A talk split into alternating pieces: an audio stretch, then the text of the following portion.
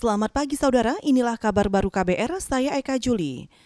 Direktur Utama BPJS Ketenagakerjaan Agus Susanto meminta agar para pegawai dengan upah di bawah 5 juta mendorong HRD-nya masing-masing segera menyetorkan nomor rekening. Hal ini dimaksudkan agar pendataan yang dilakukan oleh BPJS tepat waktu dan pencairan subsidi upah bisa segera dilakukan. Sekali lagi kami minta kerjasama uh, semua pihak untuk melakukan validasi ini. Dan kami saat ini sedang melakukan pengumpulan nomor rekening bank. Karena memang data yang ada di BP Jam Sostek selama ini tidak ada nomor rekening bank.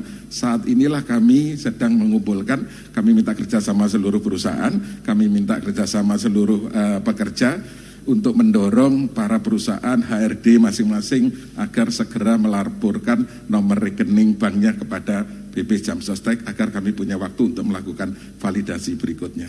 Direktur Utama BPJS Ketenagakerjaan Agus Susanto juga menambahkan, sampai dengan 30 Juni 2020, sistem pendataan BPJS Ketenagakerjaan mencatat ada lebih dari 15,7 juta pegawai dengan upah di bawah 5 juta yang aktif membayar iuran.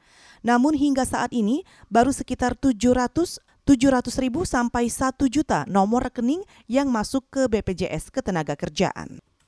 Saudara Gubernur Jawa Tengah Ganjar Pranowo meminta penegak hukum mengusut tuntas kasus penyerangan kelompok intoleran di Solo. Ia mengklaim sudah berkoordinasi dengan kepolisian dan intelijen untuk menegakkan hukum terhadap kelompok pengganggu ketertiban dan keamanan itu.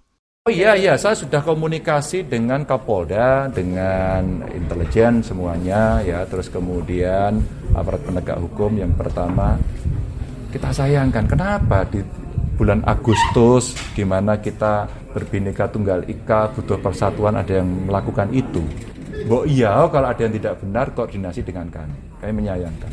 Apa yang kemudian merusak pada soal uh, apa namanya atau melanggar regulasi-regulasi ini sudah jangan nggak usah ragu ditindak saja kita butuh baik kok negeri ini Gubernur Jawa Tengah Ganjar Pranowo menyayangkan terjadinya aksi kekerasan oleh kelompok intoleran itu terjadi tepat di bulan Agustus, bulan yang seharusnya menjadi momentum semboyan Bhinneka Tunggal Ika sebagai pemersatu bangsa dan toleransi terhadap sesama.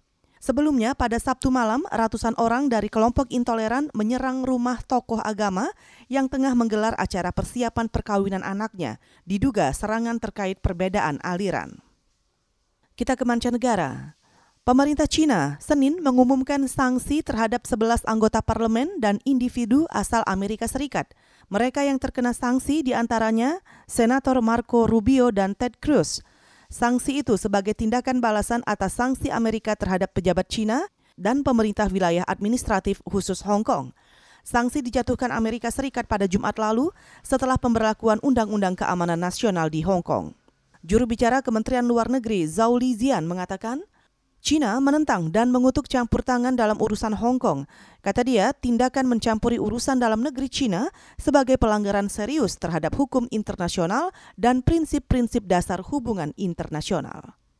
Saudara, demikian kabar baru. Saya Eka Juli.